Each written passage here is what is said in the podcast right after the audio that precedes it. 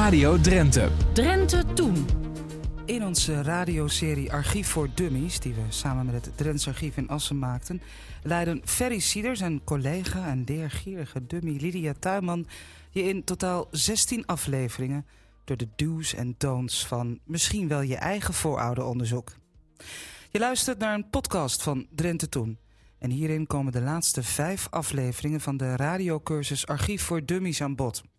Ja, vanwege de coronapandemie was een bezoek aan het Drents Archief in Assen helaas van de baan. En daarom vonden de interviews plaats via Skype. We komen onder meer terecht in het criminele circuit. Aflevering 12. We hebben nog eh, voor onze cursus uh, Archief voor Dummies uh, nog een paar onderdelen te gaan. En een van die onderdelen, dat is eigenlijk als onze voorvaders terechtkomen in een wat, wat woeliger vaarwater. Hè? En dat is juist het leukste. Als mensen in een woelige vaarwater terechtkomen. Um, en in dit geval misschien dat ze veroordeeld zijn tot, uh, tot het een of ander. Uh, en niet zozeer veroordeeld tot een vrouw, maar, uh, of tot een levenspartner, maar gewoon veroordeeld door een rechter. en laten we wel wezen. Dan, dan zijn er archieven van. En dat is eigenlijk het aller, allerleukste, het allerspannendste wat, wat er is. Dus ik vind het altijd heel leuk. Je zet een stamboom in elkaar en dan heb je een naam en nog een naam en naam en naam en naam naam. Alleen wat, wat ik zelf persoonlijk altijd heel leuk vind, is dat je meer informatie van een stamboomlid, dat je, dat je iemand kunt inkleuren. Uh, dat je iemand een gezicht kunt geven, dat je iemand een karaktereigenschappen kunt toedichten, dat hij gaat leven uh, voor jezelf. En dan kun je ook nog uh, een stapje terug gaan om te zeggen van, goh, uh, voorvader X was altijd heel agressief. Ah, vandaar, daar komt mijn agressie vandaan. Wijze van, ja. dat, je, dat je zelf ook nog, ook nog sociologisch gaat, gaat verklaren. Maar goed, dat, dat mogen mensen allemaal zelf doen. Maar wat ik zelf altijd wel heel leuk vind, is dat je inderdaad meer dan een geboorteakte, een huwelijksakte en een sterfakte uh, uh, kunt overleggen. Van een, nou, laten we zeggen, voorvader of een stamboomlid. En um, nou, er zijn uh, diverse bronnen kun je, kun je daarvoor natuurlijk uh, gebruiken. Hè? De, de kranten, de, nou, daar hebben we wel, wel meer over gehad, de bevolkingsregisters. Maar is hij verwikkeld in een strafzaak? Ja, dan, dan, dan kom je in een andere orde terecht. En dan uh, uh, weet je ook nou ja, wat hij op, zijn kerfstok heeft. En ehm, zijn er eventueel getuigenissen van. En vaak zie je dan ook wel dat degene die veroordeeld is ook tot een getuigenis komt. Dus je, je ziet hem, want je, je leest het dan voor, voor van papier. je ziet hem praten. En je ziet hem de woorden afwegen. Je ziet hem denken misschien wel. En, en vaak ontkennen. hij komt aan het woord. En dat vind ik ja. mooi. Dat is, dat is natuurlijk een zeldzame uh, ervaring om zo'n uh, lang geleden overleden uh, voorvader dan echt in, in beeld te krijgen, sprekend opgevoerd ja, ja. te krijgen. Ja, maar ja, hoe kom je daar nou achter of, of jouw voorvader een, een, een rechtszaak bij de hand hebben gehad? Nee, we hebben ooit eens een vonnisregister, hebben we, heeft een vrijwilliger van ons over, overgetypt. En dat is een database geworden van iets van 38.000 namen van mensen die veroordeeld zijn tussen 1838 en 1893 voor kleine, kleine criminaliteit. En het zijn wanbedrijven. En dat gaat om een lijst van 38.000 namen. Dus er kunnen namen dubbel in voorkomen, maar goed, het zijn 38.000 namen. Uh, en die zijn veroordeeld. En het gaat om delicten als uh, diefstal, uit de hand gelopen vechtpartij, uh, een ruzie, een overtreding, een inbraak overdag. Uh, want als je s'nachts inbreekt, dan, dan is dat een, uh, een, een, een, misdaad en geen wanbedrijf. Uh, dus we hebben een aantal jaren geleden hebben wij die lijst hebben we online gezet. Dus daarin en, kan je, ja, daar, daar, daar kan je zoeken op naam. Ja, ja, dus je kunt naar uh, alledrenten.nl gaan. En dan heb je in het kadertje heb je gewoon een onderwerp, een kopje dat heet vonnissen of vonnisregister. En uh, daar kun je gewoon zoeken op, op achternaam, op voornaam en dan krijg je een treffer. En dan begint het een beetje. Um, je krijgt alleen een treffer. Want de vonnissen zelf zijn niet digitaal beschikbaar. En uh, die lijst met namen, dat is heel mooi, maar er staat geen geboortedata bij. En er staat ook niet bij waarvoor diegene is veroordeeld. Dus het is een, uh, ja, laat zeggen, een heel vervelend teasertje, een lokketje.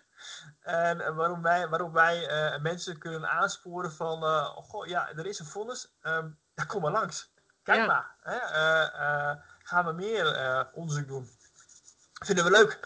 Oké, maar dan moet je dus, uh, je krijgt een, uh, een, naam, zeg maar. Jij, jij bent natuurlijk uh, als Ferry Seeders weer eens op zoek naar een, naar een Seeders. Ja. Je voert dat in, in die, in die, in die zoekmogelijkheid.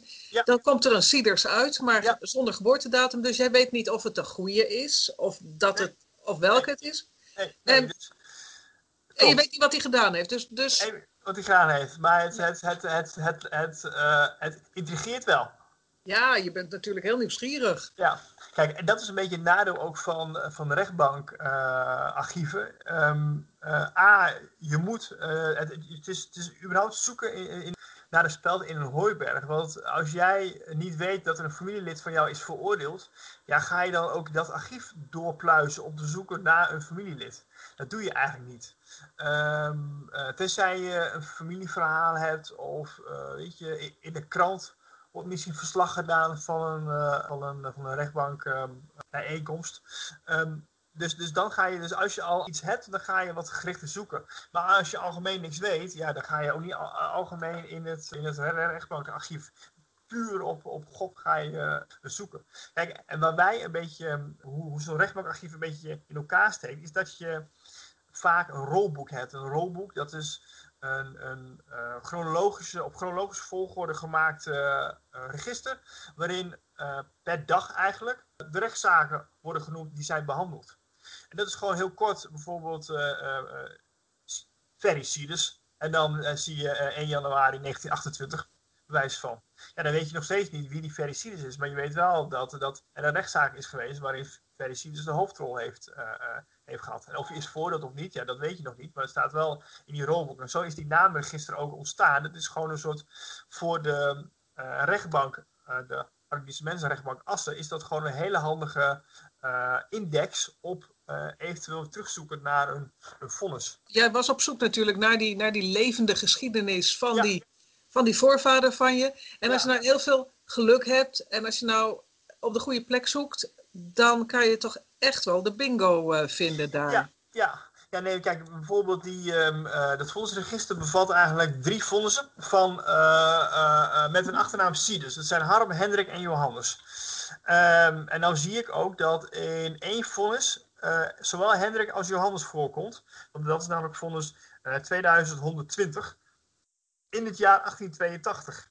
Dat betekent dat ze samen in hetzelfde vonnis uh, terugkomen. Dus dat betekent dat ze eigenlijk voor hetzelfde zijn veroordeeld. Dus, dus dat kan ik aan, aan de hand van het lijst zien. Ik weet niet waarvoor ze zijn veroordeeld. En ik weet ook niet waarom Harm, Harm Sidus in 1884 is, uh, is veroordeeld. Maar goed, ik heb het geluk dat natuurlijk in het archief werk. Dus ik heb die vonnissen uh, opgesnort. En um, uh, ik weet dat Hendrik en Johannes zijn veroordeeld wegens het illegaal uh, ontginnen of vervenen eigenlijk, iedere afgave van turf van een stuk gebied in Zuidwolde. en ik weet dat Harm Siders in de vechtpartij is, is, be is betrokken geweest. Ja, de voorouders van Ferry Siders van het Drentse archief hielden er wel erg Drentse gewoonten op na. We gaan naar aflevering 13. Ferry Siders van het Drentse archief in Assen en Lydia Tuinman gaan op zoek in de rechtbankarchieven. Daar vindt Ferry een paar stukken die erop wijzen dat zijn voorouders niet altijd even correct bezig waren. Hendrik en Johannes zijn veroordeeld wegens het illegaal uh, ontginnen of vervenen eigenlijk, iedere afgave van turf van een stuk gebied in Zuidwolde. Uh, en ik weet dat Harm Siders in de vechtpartij is, uh, is, is betrokken geweest. Nou, dat is allemaal heel goed uh, Drentse gebruiken eigenlijk. Hè? Daar kan je trots op zijn. Ja, ja nee, dat, dat, en, als, en als dit het is, ja, dan... dan uh, uh, ik zeg, de appel valt niet ver van de boom. Want ik, ik, dan, nee, dat is grappig. Nee, maar het is, wel, het is wel een eerste indicatie, een eerste stap in het, in het doen van, van rechtbankonderzoek. Als je, als je met een namenlijst komt. En, en ja, daarin zijn wij heus niet de enige hoor. maar ook niet de laatste. Maar het is gewoon een heel aantrekkelijk archief om daar veel meer mee te doen. En daarom willen we ook eigenlijk uh, dit archief veel meer onder de aandacht brengen. En ook veel meer rolboeken gaan digitaliseren en online zetten. Zodat mensen aan de hand van een rolboek uh, zelf kunnen zoeken naar een naam bijvoorbeeld. En als ze dan een treffer hebben, uh, dat ze dan naar het archief komen om het vonnis in te zien. Jij wilde mensen nou naar het archief lokken. Ja. Uh, de sappige details uh, te horen te krijgen, te zien te krijgen. Maar hoe, hoe, gaat dat dan concreet? Want dan kom je in het Drents archief. Uh, je, meldt je, je moet je eerst aanmelden tegenwoordig, want ja. ja, dat gaat maar niet zo meer. We, Momenteel zijn we, zijn we helaas gesloten. Maar wat altijd handig is, is dat jij ongeveer weet in welke periode iemand is veroordeeld. Uh, een jaar, dat helpt al om gerichter te kunnen zoeken. En je moet van tevoren een beetje hebben achterhaald van ja, maar welke rechter heeft hem veroordeeld. Want je hebt twee soorten rechtbanken in Drenthe. Je hebt de arrondissementsrechtbank. Drenthe is verdeeld in één arrondissement. Dat, dat, dat, is handig. Dat is gewoon, dat is gewoon Assen. En, en daar, daar heb je al die, al die rechtszaken die daar plaatsvinden. En dat zijn een beetje de, de grotere rechtszaken. Hè, de, van, de, van de iets zwaardere criminaliteiten. Die worden via de arrondissementsrechtbanken behandeld. En je hebt het kantongerecht. Uh, kantongerechten, Drenthe is verdeeld onder Hoogveen, Meppel, Assen. Meppel, Assen. Um, uh, Emmen. Emmen, ja. Ja, mhm. Laten we die, uh, die niet vergeten. Kijk, en, en daarin werden bijvoorbeeld financiële zaken werden dan vaak in afgehandeld. Of voogdijzaken. Maar dan heb je wel um, jaartal nodig. Enige indicatie. Uh, daar wat meer uh, gerichter onderzoek in te kunnen doen. Want wij kunnen niet bijvoorbeeld, als je zegt van nou, mijn voorouder is voor tussen 1870 en 1930 ja, dan heb je 60 jaar. Dan moet je, dan moet je tientallen boeken door om te kijken of je een, uh, een ziet. Maar goed, hoe, hoe, gerichter je het, hoe gerichter je kunt zoeken, dan ga je zoeken in een, in een rolboek. En een rolboek dat is um, vaak op chronologische volgorde ontsloten uh, register, dus niet op alfabet. Dus dat maakt het natuurlijk ook wel lastig. Maar goed, een rolboek van een jaar zou je nog eens een keer kunnen doornemen. Aan de hand daarvan vind je een rolnummer. En aan van een rolnummer vind je eventueel een vonnisnummer. En aan de hand van een vonnisnummer vind je de hele rechtszaak. Zo, dus dat is nog geen, uh, geen makkelijke reis eigenlijk, als ik dat zo hoor. Nee, nee, nee, het is zeker geen, uh, zeker geen makkelijke reis. Uh, maar wel een reis die ik kan aanraden. Omdat het wel veel op. Zeker als je niet alleen de vonnis hebt, maar ook nog eens een achterliggende stukken, bijvoorbeeld procesverbalen. En, uh, en een vonnis is vaak een, vooraf gedrukt papier met meneer A uh, heeft dit gedaan, getuigen A, B en C zeggen dit, rechter zegt dit. Uh, maar procesverbaal, daar komen de getuigenissen ook volledig naar voren toe. En daar laat je getuigen, die getuigen komen aan het woord, de veroordeelde komt aan het woord. En dan, dan, dan speelt het veel meer. Dan krijg je ook veel een levendiger beeld van, van hoe, hoe zo'n rechtszaak uh, plaatsvindt. En waarom iemand over is gegaan tot bijvoorbeeld het stelen van een, nou ja, een schaap. Of het, of het eh, vernielen van eigendom of het, het vechtpartij.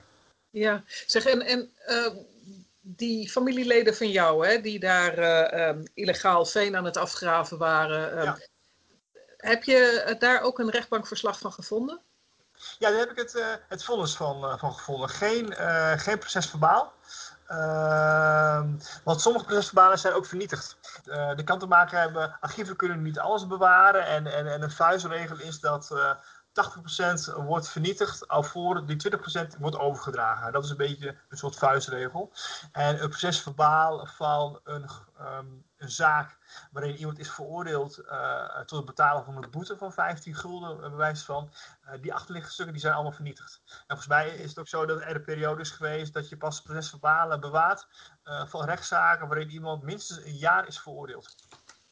Ja, dus dat al dat kleine gruis, dat valt er ja. tussenuit. En daar wij bijvoorbeeld valt er ook allemaal tussenuit. Ja. De, de procesverbalen. Ja, jammer voor jou, maar uh, anders kwamen de archiefkasten wel erg vol te zitten, hè? Nee, ook, ook dat. Dus ja, kijk, um, uh, historici uh, die willen alles bewaren, archivarissen willen alles vernietigen. Tenminste, het meeste, niet alles vernietigen, maar wel het meeste, het meeste vernietigen en um, minimaal bewaren. Nou, ik ben geen archivaris, maar ik ben historicus, dus ik, dus ik, ik heb geen intern conflict met mezelf, zeg maar. Ik ken mensen die zowel archivaris als historicus zijn en die, ja, die hebben gewoon een intern conflict. Die hebben een probleem. Die hebben een probleem. Nou, allemaal uh, op zoek naar de, de, de misstappen van onze, onze voorouders. Klinkt, ja. uh, klinkt heel interessant. Dankjewel, Ferry. In de veertiende aflevering van Archief voor Dummies gaan Ferry Sieders en onze leergrage dummy Lydia Tuinman op zoek in de archieven van de Maatschappij van Weldadigheid. Ja, een, een, een meest geraadpleegde archief van het Drentse Archief. Een van de grootste particuliere archieven die wij ook hebben. Uh, en het betreft eigenlijk uh, een niet-Drents archief. Het gaat over de maatschappij van weldadigheid. en daarop op aansluitend de Rijkswerkinrichting om een Schans Veenhuizen. En ehm, Ja, in het korte maatschappij van weldadigheid is opgericht in, in 1818 onder, ja, als, door aanjager Johannes van der Bos. Die wilde wat doen aan de armoedeproblematiek in, in Nederland. Eh, Napoleon is verslagen. Uh, Nederland is een koninkrijk geworden met Willem I aan het roer. Uh, alleen economisch is het een enorme malaise en er is een enorme armoedeproblematiek. En Johannes van der Bos, vriend van koning Willem I, heeft een idee, heeft een oplossing om armoede, zoals je zegt, uit te roeien. En hij zegt van laten we landbouwkolonie stichten, niet in het buitenland, maar in Nederland. Dus binnenlandse koloniën. En wel op gronden die hij uiteindelijk goedkoop kan, uh, kan kopen. En dat is, sticht hij de, de dorpen uh, Frederiksoord, Wilhelminaoord, Willemsoord. En dan gaat hij verder door een aantal stichten te stichten in Veenhuizen. 1, 2 en 3. En de Omschans. En dat zijn koloniën voor, dat zijn vrije koloniën. Dat zijn landbouwkoloniën. in die zin dat geef een gezin een schop en, en, een koe en een varken en uh, de kinderen onderwijs. Uh, laat de vrouw ook arbeid verrichten in, uh, in, in fabrieken. En iedereen kan zelfstandig werken en leven en het overschot wordt teruggebracht in de economie.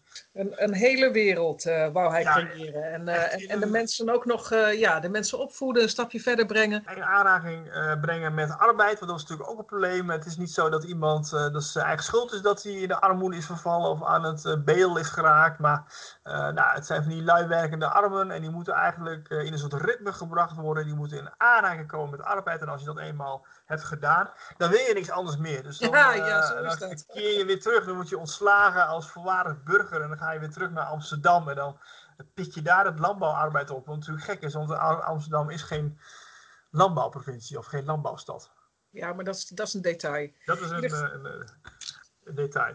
En het, het, vond plaats allemaal in, in Drenthe. En um, uh, vandaar dat wij ook de archieven hebben van de maatschappij van, uh, van weldadigheid. En dat is een, eigenlijk een stichting en bestaat nog steeds, de maatschappij van weldadigheid. Ze hebben nog steeds landerijen in het, uh, in het gebied waar het zich uh, plaatsvond. Maar ze hebben op een gegeven moment de archieven overgedragen aan het Drentse Archief, omdat wij het kunnen beheren en bewaren. En daar vallen zoveel verhalen in uit te destilleren.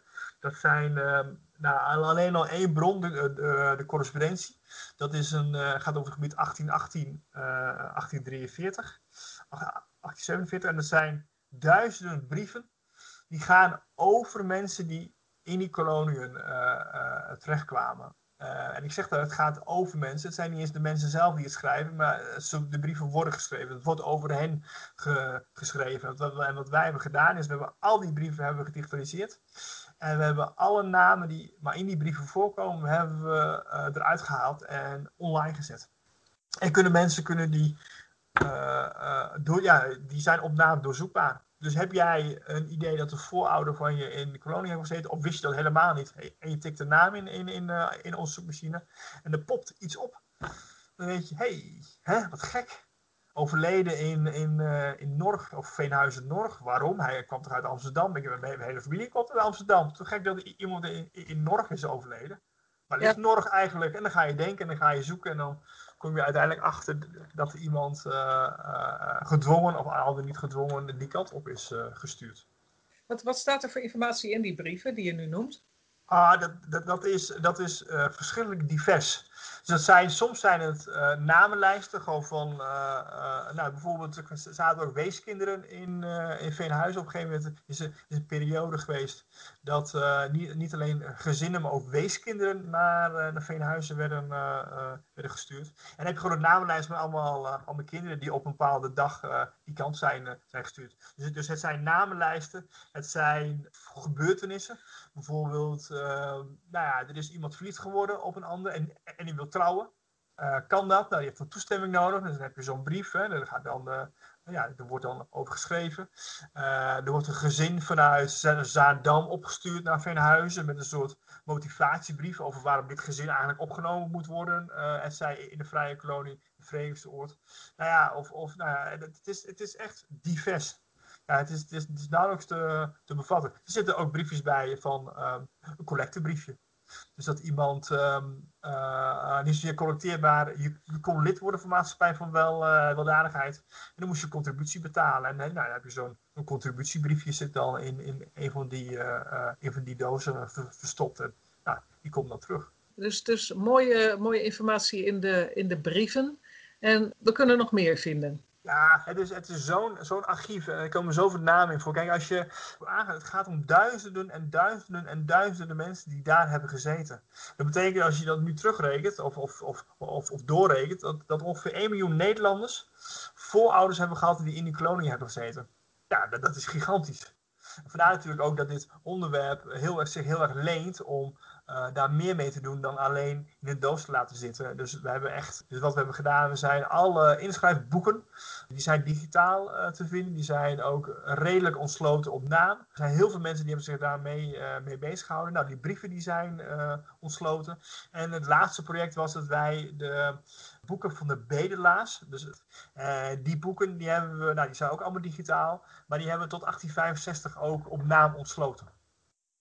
Dus daar kun je ook nu, nu doorzoeken. En uh, ja, ja, dat levert ook weer duizenden, duizenden treffers op. In de vijftiende aflevering van Archief voor Dummies gaan Ferry Sieders van het Drents Archief in Assen en onze leergrage dummy Lydia Tuinman op zoek in de archieven van de Maatschappij van Weldadigheid. In de archieven van de Veenhuizer Kolonie ditmaal. Nou ja, misschien vind je wel in eerste instantie iemand die, uh, die daar zat. Dus je vindt een, uh, een inschrijving en denk je, hé, hey, wat, wat gek, ga ik verder zoeken op de website van het archief. En vind je toevallig ook een brief van die persoon. Dus dan heb je al, je ziet dus iemand die, die zat daar en dan zie je gewoon de, de inschrijving. Dat is gewoon plat van meneer A is dat ingeschreven, dan geboren, komt daar vandaan. is zo lang, vaak zijn de lengtegegevens worden ook genoemd. Is, is veroordeeld of niet, maar in ieder geval is er gekomen, komt van daar vandaan. Uh, is doorgestuurd naar Veenhuizen, want in principe werd je eerst naar de omschans gebracht en werd je dan doorgestuurd naar Veenhuizen. En op die dag uh, ontslagen. En af en toe zie je een tweetje, een drietje, een viertje, een vijfje. En dan weet je, hey, die man is twee, drie, vier, vijf keer geweest. En, en, dat is een beetje de informatie die je instantie weet.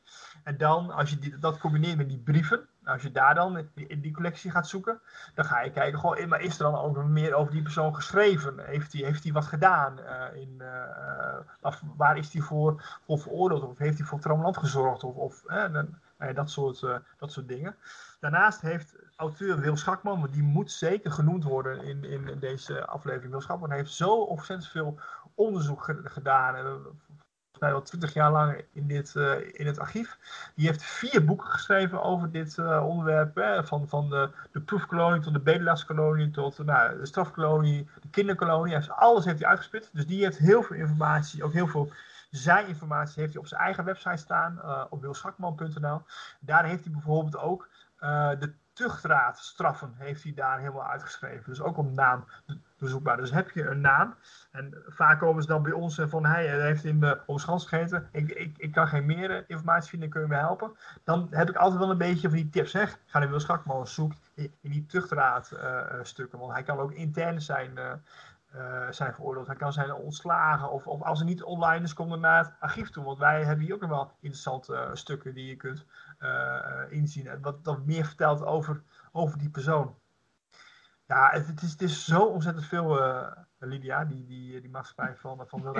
En dan houdt het niet meer op. En dan hou ik zelf uh, ook niet meer op. Want op een gegeven moment heb je een scheiding gekregen. Je hebt een scheiding tussen in 1859. De maatschappij van was eigenlijk bankroet.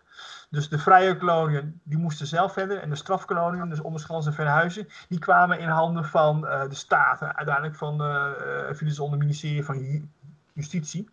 Uh, en dan is, heet het ook Rijkswerkinrichting. En die boeken van de Rijkswerkinrichting, Verhuizen Onderschans, die zijn ook allemaal bij het Drentse archief te vinden. Maar uh, allemaal digitaal ook. En dat loopt door tot aan, nou ja, weet je, de gevangenis bestaat nog steeds. Hè? Uh, in Verhuizen heb je nog steeds een penitentiaire inrichting. Dus eigenlijk is het archief tot aan de jaren 60 ligt bij ons. Al die, al die registers. En dan heb je het op een gegeven moment heb je dan alleen maar over bedelaars. Maar op een gegeven moment heb je het ook over Belgische vluchtelingen. Die uh, in de Eerste Wereldoorlog de grens oversteken. En eigenlijk zo ver mogelijk vanuit de buitengrens uh, naar, naar het noorden werden gestuurd. Zodat ze niet makkelijk terug konden komen. Je hebt uh, te maken met smokkelaars die op een gegeven moment in Venhuizen terechtkomen. Smokkelaars ook in de Eerste Wereldoorlog. Je hebt te maken met uiteindelijk met overige criminelen, je mensen die, die een drankwet hebben overtreden, of die veroordeeld zijn voor het optreden van, van de drankwet. je krijgt NSB'ers komen in, in het in Verhuis terecht het lijkt me ook wel informatie die, uh, die behoorlijk privacygevoelig is. Uh, uh, vanaf wanneer wordt dat dan niet toegankelijk, zeg maar? 75 jaar. 75 jaar, dus we kunnen terug tot aan het eind van de oorlog. Ja, ja. Kijk, en dan zitten er nog geen NSB'ers. En ehm, tot 1942 is digitaal raadpleegbaar. Juist. Dus ja. dan kan je een, kom, je, kom je een heel eind. Ja. Digitaal ook, hè? Dus, dus mensen die hoeven niet, niet per se dan naar het uh, archief te komen. Je kunt dan op drensarchief.nl op zoek gaan naar het archief van de Rijkswerkinrichting. En daar vind je al die boeken en al die, al die categorieën uh, die ik zo net uh, opnoemde. Zeg maar, hoe groot is nou de kans dat als jij als, als Drents persoon gaat zoeken in die, in die archieven, dat je daar wat vindt? Want het waren toch, het waren toch eigenlijk mensen die vanuit de Randstad... Ja hierheen gestuurd ja, Het, het gros van, van de mensen, dat zijn inderdaad uh, de Randstedelijken. En die, um, uh, die kwamen en die gingen. en natuurlijk zitten er ook Drenthe in. Zeker. Dus als je al alleen al filtert op, nou ja, je gaat naar bron correspondentie en je zoekt uh, Hoogveen bijvoorbeeld, hè, je kunt ook wel op, uh, op plaatsnaam uh, filteren, ja, dan, dan, dan, komen er ook wel Drenten in, in voor. Het is niet zo dat, dat Drenthe buiten beeld bleef. Maar goed, het zegt wel wat dat er niet zo heel veel Drenten in voorkomen. En dat komt omdat Drenthe een provincie is die op haar eigen manier omging met mensen die in armoede raakten of kwamen. En je hebt daarbij heeft de kerk eigenlijk een hele grote rol gespeeld binnen Drenthe. Dus als jij in het dorp, in het dorpsgemeenschap, geen geld had om, om, ehm, om van te kunnen leven of, of geen brood had, dan, dan kon je aankloppen bij de diaconie. En dan kon de diaconie kon jou ondersteunen. En dat gebeurde altijd in dorpsgemeenschappen onderling. Dus, dus, daar raakten heel weinig mensen in, aan de bedel. En als het wel gebeurde, ja, dan, dan dat zie je wel meer dat ze wel uit de grotere plaatsen komen, als Meppel en, en Hoogveen. En die hadden wel dan een beleid om, om mensen door te sturen naar die arme kolonie? Nou ja, als jij, er zijn voorbeelden van als je in Meppel gewoon midden op straat bedelt bij de huis van, van de veldwachter. ja, dan word je opgepakt. En dan word je doorgestuurd. Kijk, maar dat is, dat, is natuurlijk ook, als jij gewoon, als je het helemaal niet meer ziet zitten en je hebt geen, geen onderdak en, je hebt honger en je kent het systeem van Veenhuizen, laat ik het zo, uh, zo zeggen. Je weet, je gaat er een jaar, twee of, drie jaar in. En dan weet je, je hebt, je hebt ritme in de dag, je krijgt onderdak, je krijgt voedsel. je raakt redelijk geïnstitutionaliseerd, zoals het heet. je raakt gewend aan het instituut en je wilt er niet meer uit. En als je eruit gaat, en nou ja, weet je, in, in, in de warmere maanden kun je nog wel redden. Maar als het weer winter wordt en het gaat weer vriezen, ja, dan, uh, uh, dan kun je wel een terugval krijgen. Zeg, en nou zijn we in, in al die archieven die we in deze, deze cursusarchief voor dummies hebben, hebben doorgeploegd, zijn we altijd op zoek gebleven naar de familie Sieders, naar jou, jouw familie. Uh, ongetwijfeld heb jij ook geprobeerd uh, die te vinden in de, in de archieven van de Maatschappij van Weldadigheid. Heb je ze ja. gevonden? Nee. Nee.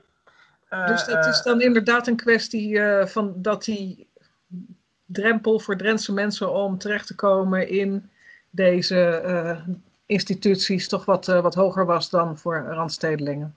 Ja, Kijk, en, en uh, ik zeg niet dat er geen Drenthe zaad uh, in Verhuizen, in, in de Rijkswerkeninrichting of in, uh, een van die andere categorieën. Want die zitten er geheid in. Alleen niet op namen zo ontsloten. Dus ik kan niet een uh, terugvinden op alledrenthe.nl die in die categorie terug zijn gekomen. En in de zestiende en laatste aflevering van de radiocursus Archief voor Dummies leert Ferry Sieders, onze aanvankelijke dummy Lydia Tuinman, al maandenlang alle ins en outs over de archieven. Eigenlijk bijna allemaal digitaal te raadplegen vanuit je eigen woonkamer. En soms dan vind je ook echt pareltjes, zoals in de archieven van de Maatschappij van Weldadigheid. Kaarten met pasfoto en allerlei gegevens van de persoon die daarop staat. Inclusief bijvoorbeeld de maat van zijn of haar schedel. Dat zijn uh, uh. En daar hebben wij er uh, uh, 5600 kaarten van.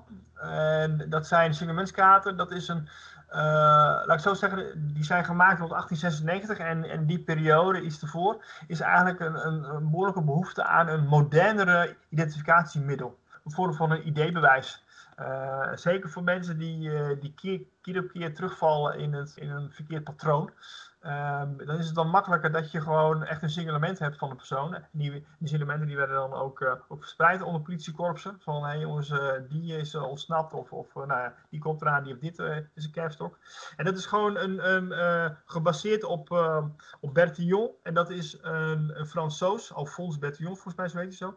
En die zei van als je het nou heel erg nauwkeurig weet um, meet. Dus de schedelomtrek en uh, wat is het nog meer, armlengte, beenlengte, nou ja, dat soort dingen. Als je het heel nauwkeurig weet. Uh, in combinatie met vingerafdrukken, in combinatie met een fotoafdruk, dan weet je precies wie, over wie het hebt. En een soort enge gedachte erachter is, en dat is een beetje het sociaal Darwinisme wat er een beetje achter zit. Dat je aan de hand van dat soort meetgegevens, hè, van de schedelomtrekken, dat je voorspellingen kunt doen over criminaliteit. Kijk, het unieke van dit soort documenten is, is, dat, het, uh, is dat ze A, uh, bewaard zijn gebleven, want, want, daar zijn er niet zoveel meer van. En B, is dit, zijn, dit gaat over foto's. Foto's van mensen, van bedelaar, van mensen die aan de onderkant van de maatschappij functioneren, die überhaupt geen geld hebben om een brood te kunnen kopen. Laat staan om een portret van zichzelf te laten maken. Die hebben een foto. Die hebben gewoon, er zijn 5600 mensen op een foto gezet. En uh, dus als je zo'n foto hebt uh, in, jouw, in jouw familie, nou, dat, dan moet je echt, echt gelukkig prijzen. Want dat, dat, dat is zo'n uniek, uniek document, unieke foto. En er zijn gewoon, weet je, als je, als je, als je die foto's één op één bekijkt, dan, dan, zie je sommige mensen, ja, dan zie ja, die, ja die, die, die zien er heel slecht uit. Maar sommige mensen die zou je zo nu ook nog op, op straat kunnen, kunnen tegenkomen. En um, dit is een periode van vijf jaar zijn deze signamentskaarten gemaakt. Dus mensen vragen ook wel van, goh, uh, is er ook nog een foto van een voorouder van mij? En dan moet je altijd zeggen, nou, als hij tussen 1896 en 1901 in de Ommerschans of Veenhuizen heeft gezeten, dan bestaat er een redelijke mogelijkheid dat er een signamentskaart van hem is, en anders niet. Juist. Dus dat is ook weer een lot uit de loterij. Een, ja. Uh, ja. een voorvader met een, uh, een signalementskaart. Klopt, klopt. Als je, als je wat vindt, dan vind je ook echt vaak mooi materiaal. Ja, ja, ja, dat is waar.